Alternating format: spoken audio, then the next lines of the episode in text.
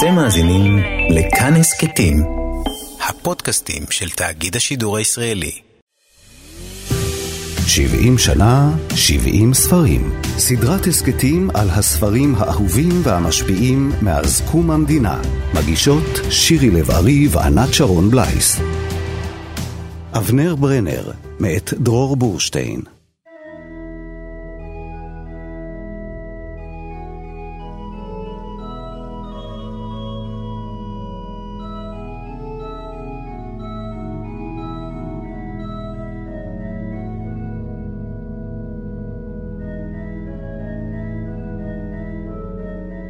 סגן המנהל שפירא עמד בחצר הגדולה והניף מפת כוכבים כנגד השמש. הפעמון המסמן את סוף ההפסקה, אשר ביוזמתה של מורתנו גרטרוד, הוחלף צלצולו המתכתי במה שהיא כינתה באוזני סגן המנהל יצירות מופת מוזיקליות, השמיע הפסטורלה של באך, ושני עורבים ניטרו מן אמות של הדגל תתם. התלמידים החלו לקום בעצלתיים עיקרי הדשא הצהובים, מאהילים במחברות חשבון או בכיפות שהוסרו לרגע מן הראש על עיניהם, נזהרים שלא לפגוש במבטו של סגן המנהל, אשר עמד על גרם המדרגות בואכה המסדרון המואר, ובעיניים מתאמצות בלש לתלמידים ללא ציצית, ללא ציצית.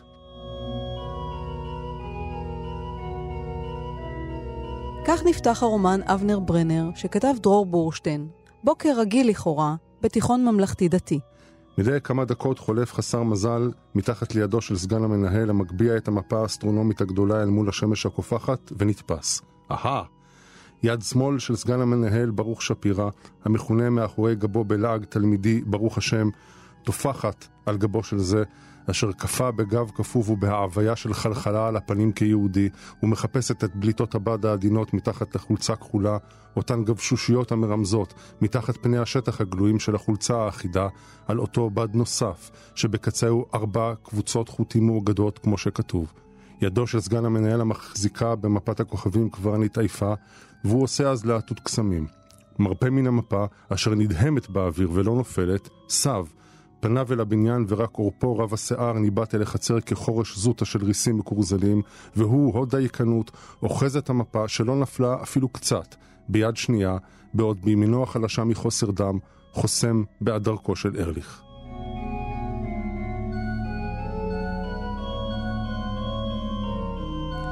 השנה היא 1987. בתיכון ממלכתי-דתי בעיר נון שליד הים, עומד סגן המנהל בפתח הבניין וממשש את גבם של התלמידים כדי לבדוק מי מהם אינו לובש ציצית. כל מי שעובר על חוקיו ומוסכמותיו של בית הספר נענש בסמינר התחזקות בבית אל, שישי שבת של הרצאות ודיונים עם הרב זנזורי. שלושה תלמידים במצב רוח רע במיוחד עולים על האוטובוס לבית אל. הראשון הוא עמוס פוקס, שקרא בהיחווה ספר של גנסין. השני הוא יוסי ארליך, שלא לבש ציצית ונתפס בידי סגן המנהל. והשלישי הוא אבנר ברנר, שקיבל ציון אפס בחיבור שאמור היה להשיב על השאלה, העגלה הריקה, במה נמלאנה? אלה ואחרים הם גיבורי הרומן אבנר ברנר, שפרסם דור בורשטיין ב-2002. אבל סמינר ההתחזקות אינו הכל. שלושת החברים נוסעים אליו ימים ספורים לאחר מקרה רצח שאירע בבית הספר.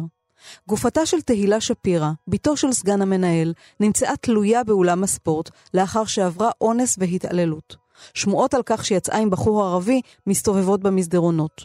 ומשכלו בבית הספר ביום הרצח, משום שהמשטרה אסרה על כולם לצאת משטח בית הספר עד תום החקירה, הוא לא אחר מאשר הפרופסור ישעיהו ליבוביץ', שבא להרצות שם באותו יום, אך הרצאתו בוטלה בשל הרצח. וכך מסתובב לו ליבוביץ', שייך ולא שייך. אחת המורות אפילו מניחה מטבע בכף ידו במחשבה שהוא קבצן. במובנים רבים, אבנר ברנר מסכם על רגל אחת את הדילמות הגדולות של הציונות הדתית. עבורי אבנר ברנר היה ספר ששחרר אותי מהמון המון מחשבות ודעות קדומות על אה, ספרות ועל איך ספרות צריכה להיראות. זהו המשורר עמיחי חסון, שבעצמו גדל בחברה הדתית-לאומית וקרא את הספר כשהיה נער. הספר הזה הוציא לו את המילים מהפה. עד שקראתי אותו חשבתי שהחיים שאני חי, חיים של אה, בחור דתי שלומד בישיבה תיכונית, אה, הם לא חיים שראויים לספר.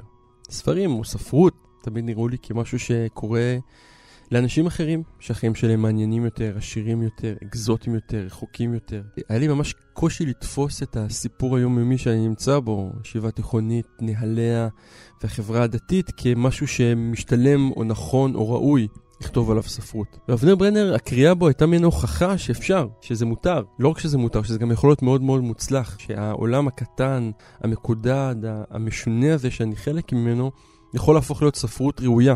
זה מאורע כמעט מכונן עבורי הקריאה בספר, כי אפשרה לי לנסות לכתוב על החיים שלי בצורה שאין בה התנצלות.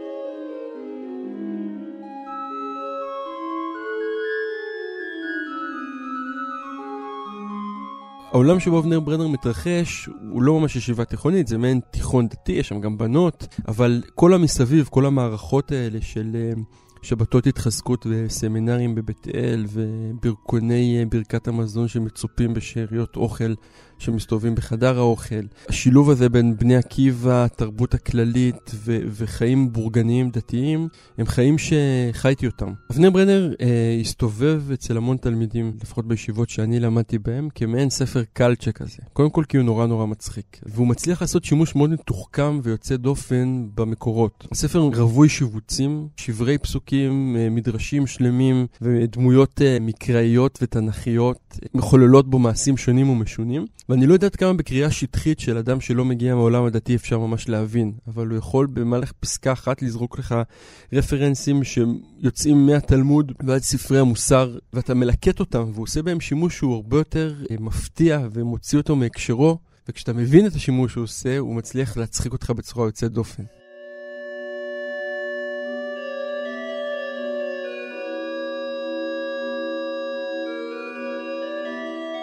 אולי שאלה ראשונה, למה בחרת דווקא ב-1987 כשנה שבה מתרחשת עלילת הרומן? התשובה היא פשוטה, זו השנה שאני הייתי בה תלמיד תיכון, כיתה י"א, והיו בשנה הזאת כל מיני דברים שהתרחשו מסביב, כמו למשל האינתיפאדה שהתחילה באיזשהו שלב, שלהי או אמצע מלחמת לבנון שהייתה ברקע, וכל מה שקרה פה במדינה, אבל הסיבה האמיתית היא שזו השנה שאני הכרתי כנער תיכון, זה היה יכול להיות אולי גם 86 או 88, אבל זה הטווח שאילו אני כותב על בית ספר, אה, זה צריך להיות שם.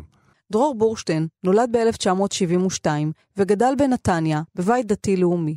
קודם לכן פרסם ספר שירים שקרא לו פירות גט. גט על שום הגירושים שלו מהעולם הדתי. את הכיפה הוריד בורשטיין בצבא. לאחר השחרור הוא למד לתואר ראשון במשפטים, אבל את התואר השני שלו החליט להקדיש דווקא ללימודי ספרות עברית. את הדוקטורט כתב על המרחב ביצירותיו של יעקב שבתאי. הכתיבה בספר היא שילוב מעניין ומיוחד בין ריאליזם חברתי נוסח יעקב שבתאי, תיאור מדוקדק וקולע של הוואי התיכון הדתי-לאומי, לצד תיאור סיטואציות מופרכות וסוריאליסטיות לחלוטין. זה פשוט נובע מאיזושהי הרגשה כללית שהייתה לי בתור מי שגדל בתוך המסגרת הזאת. אולי כל מסגרת היא אה, יכולה להביא אדם להרגשה כזאת שלפני כל דבר או תוכן אתה רוצה לשבור את המסגרת. זה לא שישבתי וחשבתי בגיל שכתבתי את הספר או לפני כן שאני רוצה לשבור איזושהי מסגרת, אבל זה היה מאוד מאוד, אה, נביאה מאוד מאוד טבעית. כן, הדברים המוזרים האלה שהזכרת אותם, חלקם הם מתרחשים במציאות. זו מציאות מאוד מוזרה. אה, בסך הכל אה, של אולי כל בית ספר, מין מקום כזה גדול, בניין ששמים בו נערים ונערות עם כל מיני חוקים שהם לא מבינים כל כך, זה דבר מאוד משונה בסך הכל. אה, אז כל מה שצריך זה רק להראות את זה ואולי קצת ללכת עם המשונות הזאת הלאה. אבל זה לא שלקחתי איזה מקום שהוא לגמרי נינוח ושלב ותיארתי אותו בצורה גרוטסקית. ולכן, גם העולם המופרך שבורא הספר נראה לעמיחי חסון הגיוני לחלוטין בתוך מערכת החוקים הבועתית המתוארת בו. מעבר לעולם הריאליסטי עד אימה שהוא מציג ומתאר, ובאמת כל בוגר מערכת החינוך הדתית יוכל להזדהות איתו, יש שם שכבות שלמות שהן פנטסטיות. זה קשור כמובן לעיסוק של הרומן אה, בעולם האסטרונומי, במוזיקה קלאסית, אבל יש בו סצנות שהן לא הגיוניות, אבל הן מתוך הבועתיות של העולם הדתי, הן נראות כמתקבלות על הדעת. וכל המעטפת הכאילו דתית של הסיפור, או כל העולם הבועתי שאנחנו מתבוננים בו, מאפשר גם את ההכרה שפתאום יכולה להיות אה, סופה גדולה או, או אה, הצפה גדולה, ותלמידים ישוטו על שולחנות לימוד הפוכים ברחבי בית הספר. אז מה שקורה בבית הספר התיכון הזה, הוא שמורה מתאבד, תלמידה נרצחת, את המנהל אף אחד לא ראה כבר שנים, הוא חבוי בחדרו. המורה גרטרוד, שורשיה בגרמניה הנאצית, אבל היא התגיירה וחזרה בתשובה. ויש גם תלמיד פנאטי שרוצח ערבים, ועוד הורה על סף התאבדות, ואחד, פרופסור ישעיהו ליבוביץ', שנקלע לסיטואציה בתור אמת מידה מוסרית, אבן בוחן לכל המתרחש. כן, ליבוביץ' אה, מגיע לשם באחד הימים אה, כדי להרצות, הוא אכן היה מסתובב בארץ ומרצה את משנתו אה, בכל מיני נושאים. ובבית הספר הזה הזמינו אותו בטעות, כי לא ידעו בדיוק מי זה, מתוך מין סוג של בורות, ואז הם בעצם הכניסו מין סוס טוריאני. זה אולי הדבר הכי פחות מוזר בספר מבחינת זאת שהוא יכול לקרות, כן, מזמינים מרצים, זה קורה, ואפילו אותו. אה, אני ראיתי להרצאות שלו בכל מיני מקומות בארץ, אה, אבל אולי בעצם הוא הכי משונה מכל שאר הדברים המוזרים האלה ש, שאת הזכרת. כיוון שמי שמכיר את מערכת החינוך הזאת, אה, הממלכתית דתית, יודע שלעולם לא היו מזמינים אותו להרצות בה. היו מזמינים אולי, אני יודע מה, זה כוכב רוק, בבחינת דמה שתשיב לאפיקורוס, אבל אותו לא. וזה הדבר באמת העיקרי אולי בספר, המוזרות העיקרית בספר, גם המוזרות העקרונית בספר. כי ישעיהו ליבוביץ' מייצג דתיות מסוג אחר. ראשית, הוא איש שמאל הומניסטי, ביקורתי וחריף. שנית, תפיסתו ההלכתית ייחודית לו. ההיות יהודי מבחינתו הוא עניין של מעשה, קיום מצוות, שמירה על מוסר. בהקשר של אה, ליבוביץ', קודם כל כאדם שמוכן להגיע ולא כך אה, מקשיבים לו, הוא בא לדבר בעצם עם החברה שהיא החברה שלו, חברה שומרת מצוות, אבל אה, הפער בין מה שהוא רוצה לומר ובין היכולת להקשיב הוא עצום. כמובן, ליבוביץ' לא היה מעולם בית ספר שאני גדלתי בו אה, ולמדתי בו בנתניה, זה אולי מיותר לומר. אבל הוא כן היה שם, אה, במובן הזה שאחד מהספרים החשובים ביותר שאני קראתי מבחינתי, אה, כשהייתי בגיל הזה, זה היה אוסף המאמרים שלו, יהדות עם יהודי ומדינת ישראל. שהוא גם קובץ תיאולוגי וגם פוליטי, ויש פה כל מיני עניינים. והחוויה אולי שהספר הזה יצא ממנה, ואני לא אשכח אותה, זה שנתבקשתי באחד משיעורי החברה, שבהם אתה צריך להביא איזשהו נושא, אה, לדבר על משהו. ודיברתי על הספר הזה, וזה התקבל מאוד מאוד לא טוב. ואני חושב בדיעבד שהחוויה הזאת שלי כמייצג אותו מול כיתה עוינת למדי, מורה עוין למדע, אני לא זוכר את הפרטים, אני זוכר את ההרגשה, אה, התגלגלה בסופו של דבר פשוט לעוד צעד אחד, שאם כבר עומד תלמיד וקורא מתוך הספר, למה שלא נביא את האדם עצמו שידבר את הספר או ידבר את דבריו אה, בקולו. אז אתה מכניס את לייבוביץ' כי זו הדתיות היחידה אולי שאיתה היית יכול להיות שלם או יכולת להקל באותה תקופה? זו שאלה מורכבת, כי מצד אחד כן, אבל מצד שני הדתיות של לייבוביץ' היא בלתי אפשרית מצד אחר. אני לא כל כך בטוח שהוא הגיע לשם כנושא של דתיות אחרת, הוא הגיע לשם אולי יותר כדמות אה, של ביקורת חברתית או פוליטית. כשמאלן. אה, כן, כן. שזה אולי הדבר שהטריד אותי יותר אה, מאשר שאלות של אמונה או דברים כאלה, כי בסך הכל בגיל 17, מה אתה יודע? אבל uh, לאור מה שהזכרנו קודם, כלומר האינתיפאדה ודברים מהסוג הזה, uh, אולי בשביל זה היית צריך אותו. בשביל uh, איזושהי יכולת uh, להחזיק בדת מתוך uh, איזושהי מסגרת שהיא גם, אפשר לקרוא לה הומניסטית, אפשר לקרוא לה שמאלנית אם רוצים. וזה הדבר העיקרי. ואכן, הספר מותח ביקורת על החברה הדתית-לאומית, על החלקים בתוכה שמציגים עמדות לא הומניסטיות, לאומניות, קנאיות, גזעניות. לא בכדי קוראות הדמויות את הרומן עת הזמיר, ספר ביקורתי של חיים באר, שבו תיאר את הזרמים הפוליטיים השונים והמנוגדים בציונות הדתית. שאלתו המפורסמת של החזון איש בדבר העגלה הריקה של החברה החילונית, מול העגלה המלאה של החברה הדתית, מהדהדת לאורך כל הרומן. המורה שם טוב, לפני שהתאבד כמובן, ביקש מן התלמידים לכתוב חיבור תחת הכותרת "העגלה הריקה, במה נמלאנה". בסמינר ההתחזקות, ברנר אומר את דעתו. אני לא חושב שהעגלה שלהם, החילונים, ריקה יותר משלנו. לדעתי, בגדול, העגלה ריקה אצלנו יותר, דווקא בגלל שאנו טוענים שהיא מלאה. מי שמלא אצלו לא מתעסק באחרים. העגלה של החברה הדתית או של התרבות היהודית היא מאוד מאוד מלאה. אה, העניין הוא שהמלאות הזאת לא באה לידי ביטוי בחלקים גדולים מאוד שלה במערכת החינוך כפי שאני חוויתי אותה.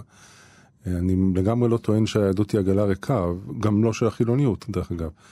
אה, אבל תלמיד בשנות ה-80 בנתניה לא שמע מילה וחצי מילה, אבל באמת, אני לא מגזים, לא על חסידות ולא על ספרים חיצוניים ולא על חלק מספרי המקרא. ולא על מדרש, ולא על עוד דברים רבים אחרים. כך ש... התמונה שאני חוויתי הייתה של חברה שמתנהגת כאילו כל הביצים בסל שלה, בעוד שהיא ברורה בהרבה מאוד מובנים ביחס לאותן ביצים עצמן. כלומר, היא לא מוכנה להכיר אפילו ביצים שבסל שלה, ומתוך הבורות הזאת היא תוקפת כל מיני דברים שיש מסביב. אני כבר לא מדבר על, החבר... על התקיפה כלפי החברה הנוצרית למשל, וה... והאומנות הנוצרית ש... והמוזיקה הנוצרית.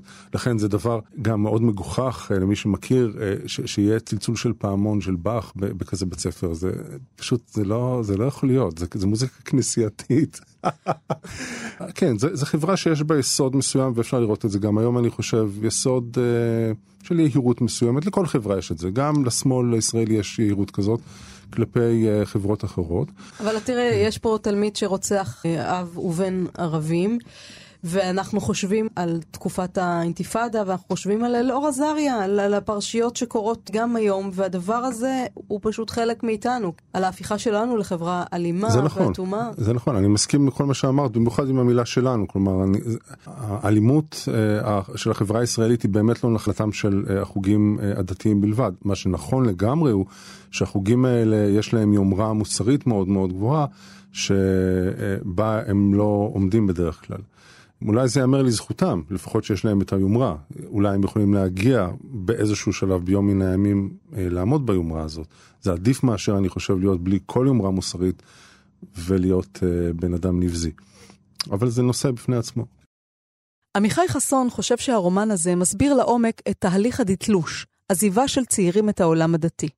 בסוף הרומן, אבנר ברנר עומד מול שתי עגלות ריקות, כמעט זהות לחלוטין. העגלה הריקה הדתית והעגלה הריקה החילונית, והוא כמעין חמור שנעמד מול אה, ערימות תבן זהות בגודלם והולך למות מרוב הבנה שהוא לא יודע במה לבחור. ואני חושב שזו הבנה מאוד uh, מאכזבת במובן מסוים, אבל שיש בה אמת מאוד מאוד גדולה על דתלוש. בדרך כלל אה, חילונים אוהבים לראות אה, החלטה של יציאה מהדת כאיזה מין רגע שבו אה, אדם הדליק לראשונה את האור בשבת וחשב שמכת ברק תאכל אותו, ואיזה גילוי מזעזע זה ומדהים זה. למרות שהאמת המרה היא שלגבי רוב העולם הדתי-לאומי, שממילא חי בין שתי העולמות, החילונים והדתיים, בספר זה כמובן מגיע לידי ביטוי מאוד מאוד טוב, הבנת הדתלוש בדרך כלל קורית כשאתה מבין שאתה עומד מול עגלה ריקה זהה לעגלה הריקה שמכרו לך, ושאין בעצם רבות הגדולה בעולם הדתי שבה אתה נמצא.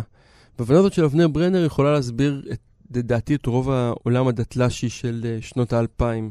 כי אין פה איזו אמירה אידיאולוגית. אבנר ברנר לא מדתלש בסופו של דבר מתוך איזו אמ, אמונה מאוד מאוד גדולה, הוא מדתלש כמעט מתוך סתמיות. ואני חושב שזה הדתלוש הרווח, בניגוד אולי למה שמחנכים דתיים היו רוצים לראות, ובניגוד למה שהעולם החילוני אה, רואה את העולם הדתי.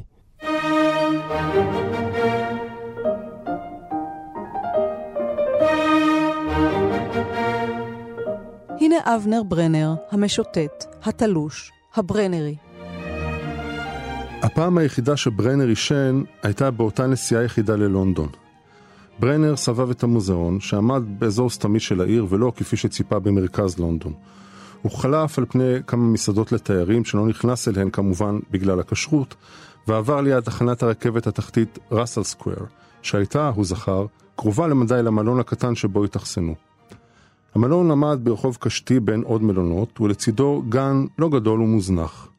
בתוך הגן ישב צייר, על שרפרף, ורשם בפחם ובזריזות את דיוקנאות התיירים תמורת לירה סטרלינג. ברנר התיישב על ספסל סמוך ועצם את עיניו. במרכז הגן, ברנר ראה זאת מבעד לעיניו העצומות, עמד מעין מבנה מעוגל. עמודים לבנים עטופי צמחים מטפסים תמכו בכיפת אבן, וברנר פקח את עיניו ואמר לעצמו בשקט, כאן אני מבין את הכל. וחזר ואמר, אני מבין כאן את הכל. למרות שלא היה דבר שהוא הבין, ובוודאי שלא כאן. שני עצים ניצבו משני צידי המבנה, ומאחוריהם, בצל, הייתה בריכה קטנה, ומאחוריה שער קטן וחלוד, וברנר נזכר משום מה בביאליק, שכתב, ברנר אמר לעצמו, שיר בשם הבריכה, אם כי ברנר לא קרא אותו עדיין. פתאום הושיט לו הצייר גיליון נייר, ועליו ברנר נבהל לגלות דמות דיוקנו שלו, כלומר של ברנר. Pound sterling, mate, הוא אמר באדיבות, אבל ברנר הביט בפרצופו, כלומר בפרצופו של ברנר, שהיה קריקטורה איומה של ברנר, ואמר, It's not me. וחזר ואמר זאת, אבל הצייר אמר בשקט, ברנר נזכר בזה אחר כך במסעדה, לא לגמרי, ועדיין.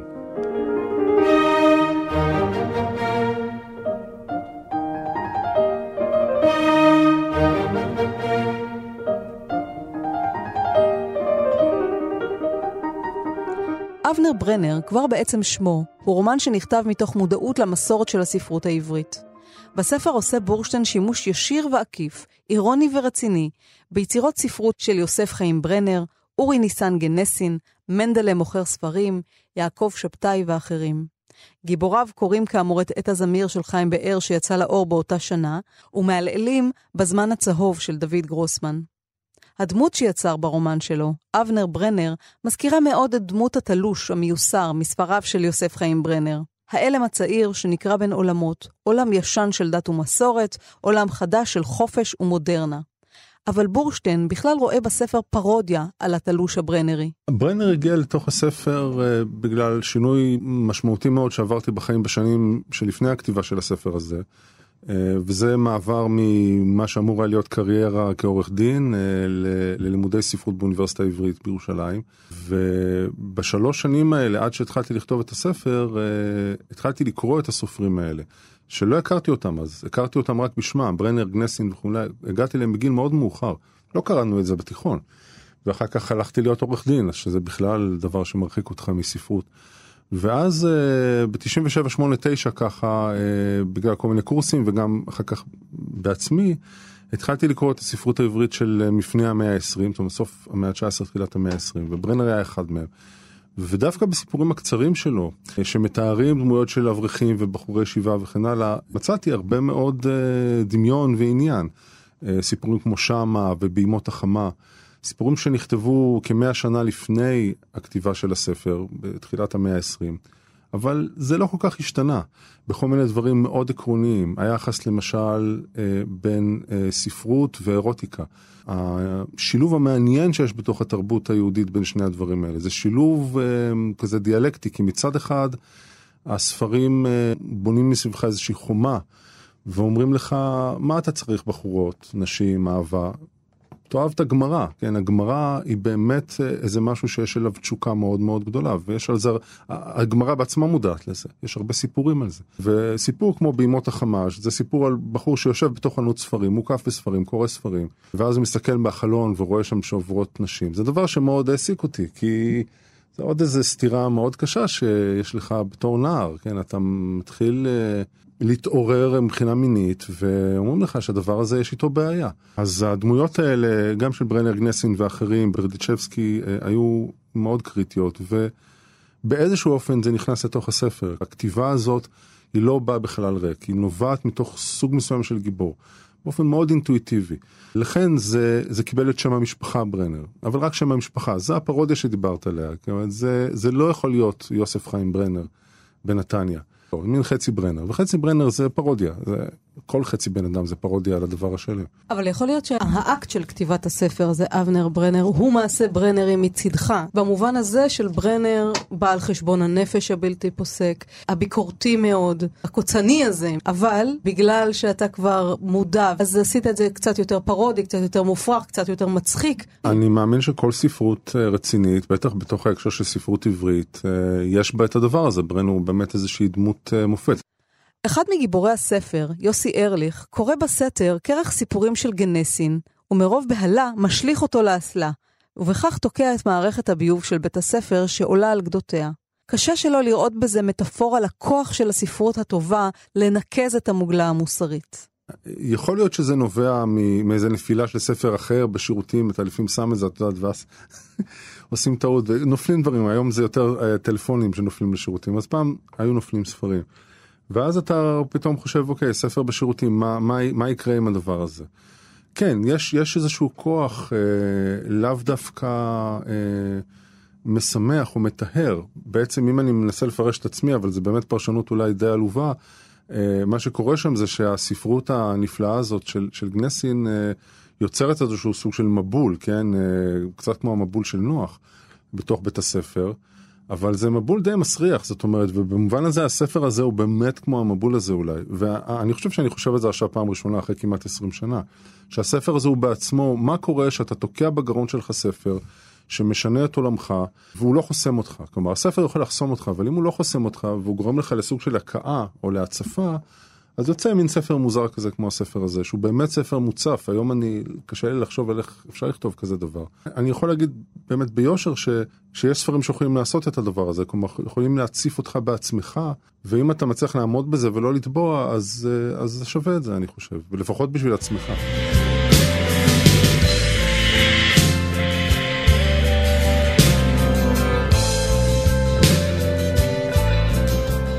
ובשיעורי הספרות שהתקיימו תמיד אחרי שיעורי ההתעמלות, הייתה צחנת הזיעה בכיתות הבנים בלתי נסבלת. הציציות ספוגות הזיעה שנתלו לייבוש על חלונות הכיתות סימנו כי בפנים מתנהל עכשיו דיון ספרותי, אם אפשר לכנות בשם דיון את שיעורי הספרות. בדרך כלל היו עסוקים התלמידים בשכלול השיטות להוצאת המורה שעשוע מכליה. אחת הקוריאוגרפיות האחרונות שהגה ארליך הייתה הזזה של כל השולחנות בכיתה כמה סנטימטרים ימינה. כל הכיתה במתואם, ותוך שמירה על פנים חתומים. ואחר כך שמאלה, וכך מול עיניה של המורה שעשוע היו השולחנות מרקדים לכאן ולכאן, לפעמים ארבעת הטורים ביחד, ולפעמים טור אחרי טור, בעוד היא קוראת מתוך ספרו של אצג, אנקריאון על קוטב העיצבון, את שירי החובה לבגרות. בפעמים אחרות היו התלמידים מבצעים את תרגיל התיק הנוסע, שבו היה נבחר באקראי אחד מתיקי התלמידים שלא שם לב לרגע, והיה מועבר בדיסקרטיות מיד ליד בגובה הרצפה, עד שאותו תלמיד היה מגלה כי תיקו חסר ומקים המולה, מה שהיה גורר כמובן את ענישתו, על אף שהיה קורבן התרגיל, הצדיק היחיד בסדום, אפשר אולי לומר. אבל זה אשר תיקו הורם והוסע לאורכה ולרוחבה של הכיתה, יכול היה חמש דקות אחרי שהתיק חזר לנקוט בעצמו פעולות להחרבת השיעור, שלא היו בהכרח יצירתיות כל כך, כמו התזת גיר בכוח אל ראשה של המורה, בזמן שהיא פנתה לכתוב ללוח שורת שיר כגון "יש זוג סוסים שחורים באחת השעות", או להטיל פצצת סירחון, מבחנת זכוכית דקה, שהכילה חומר מצחין במידה שלא תשוער, שכן הכיתה כולה, אחרי שניות מעטות, נאלצה לאסוף את הספרים ולנדוד במסדרונות בחיפוש אחרי כיתה חלופית. במקרים רבים היה החיפוש נגמר בהעתקת השיעור לבית הכנסת, שעל פי רוב היה האולם הפנוי היחידי בבית הספר. It's not comforting, cheery or kind. It's sizzling blood and the unholy stench of murder. It's not natural. ואיפה אלוהים בכל הסיפור הזה? האם הוא משול למנהל בית הספר המסוגר זה שנים בחדרו? כולם יודעים שהוא שם, אבל איש לא רואה אותו. כן, אני מתאר לעצמי שהמנהל הזה הוא מין סוג של שאלה ביחס לנוכחות של אלוהים, באמת שאלה. גם היא שאלה פרודית, כל הספר הזה הוא כזה. אבל גם כאן אפשר לומר שרוב המופעים של אלוהים בספרות הם, הם קצת פרודיים, אה, לפעמים שלא מתוך כוונה, אפילו במקרא. כן, לפעמים הוא אלוהים ככה מאוד רציני, אבל לפעמים הוא יוצא קצת מוזר, נגיד אם חושבים על אלוהים של אה, ספר שמות מול פרעה עם כל ה... התנינים והנחשים זה לא בדיוק uh, הדבר הכי גדול בעולם. כן. מישהו שגורם למקל להפוך לנחש ולהפך. כן, אז זה מין אלוהים שהוא יותר באמת מוצב כמגזרת כזאת uh, בתוך החלל של הרומן. הוא נמצא שם, uh, אי אפשר להיכנס אליו מכיוון שאני לא יכול להיכנס אליו, אני גם לא בטוח שהמורה יכולה להיכנס אליו, ומי יודע אם יש שם בכלל מישהו. יש שם כנראה. מה שברור שאי אפשר לעשות איתו, וזה הדבר שאולי הרגשתי אותו מאוד חזק אז, זה שאי אפשר לטעון, פתחתי את הדלת, ראיתי מה, ובוא אני אספר לך מה אלוהים רוצה ממך לעשות. זה דבר שלא יכלתי לקבל אותו. האנשים שמדברים בשם אלוהים. כנער לא יכלתי לקבל אותם והיום אני עוד פחות יכול לקבל אותם. ובמובן הזה הספר הזה נובע מתוך ההרגשה הזאת שאולי כדאי לסגור קצת את הדלת אל אלוהים ולהקשיב ליד הדלת עם האוזן, לצוטט אה, אולי, לרחרח, אבל עד כאן. אבנר ברנר הוא חוליה בשרשרת שמספרת את סיפורו של המעשה הציוני. לפניו היו זיכרון דברים, עת הזמיר, סיפור על אהבה וחושך, ואחריו באו ויבואו עוד. אבל אבנר ברנר הוא גם חוליה בשרשרת הספרות העברית. הוא ספוג בה, מתכתב איתה, ומחזיק בידיו את לפיד הספרות העברית שירוץ הלאה אל האלף הבא.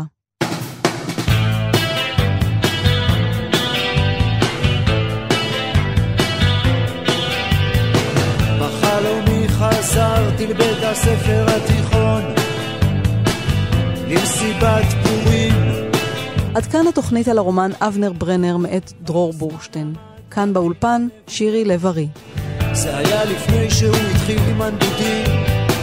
חשבתי שאתה בהודו, אמרתי לו, אני בהודו, הוא אמר.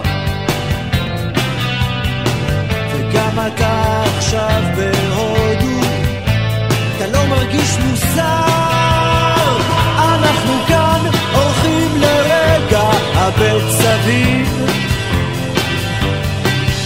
לא לא שלנו. אתה מקשיב? אני מקשיב, אמרתי לו,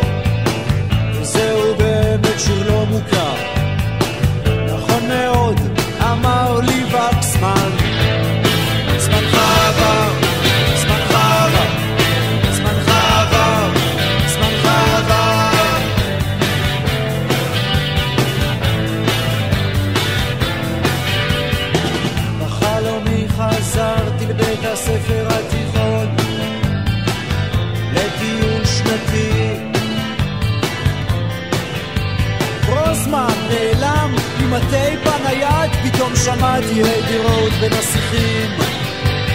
המשאית לא תחכה קראתי לו. שייסעו כבר הוא אמר. אני לא זז מכאן עד סוף הצד. זה קטע נהדר. אנחנו כאן הולכים לרגע הבן סביב זאת לא המשאית שלנו.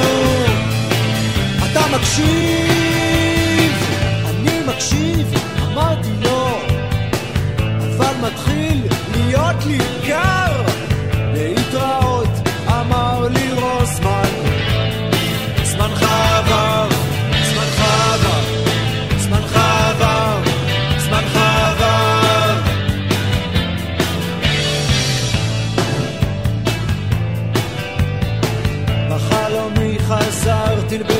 הספר התיכון ולא הכנתי שיעורים.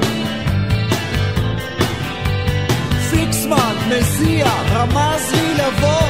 הוא רצה שנסתלק אליו לשמוע תקליטים. הפעמון כבר מצלצל אמרתי לו שיצלצל. הוא אמר אין בכלל ממה לפחד כבר אנחנו לרגע סביב. לא שלנו. אתה מקשיב? אני מקשיב, אמרתי לו וזה חלום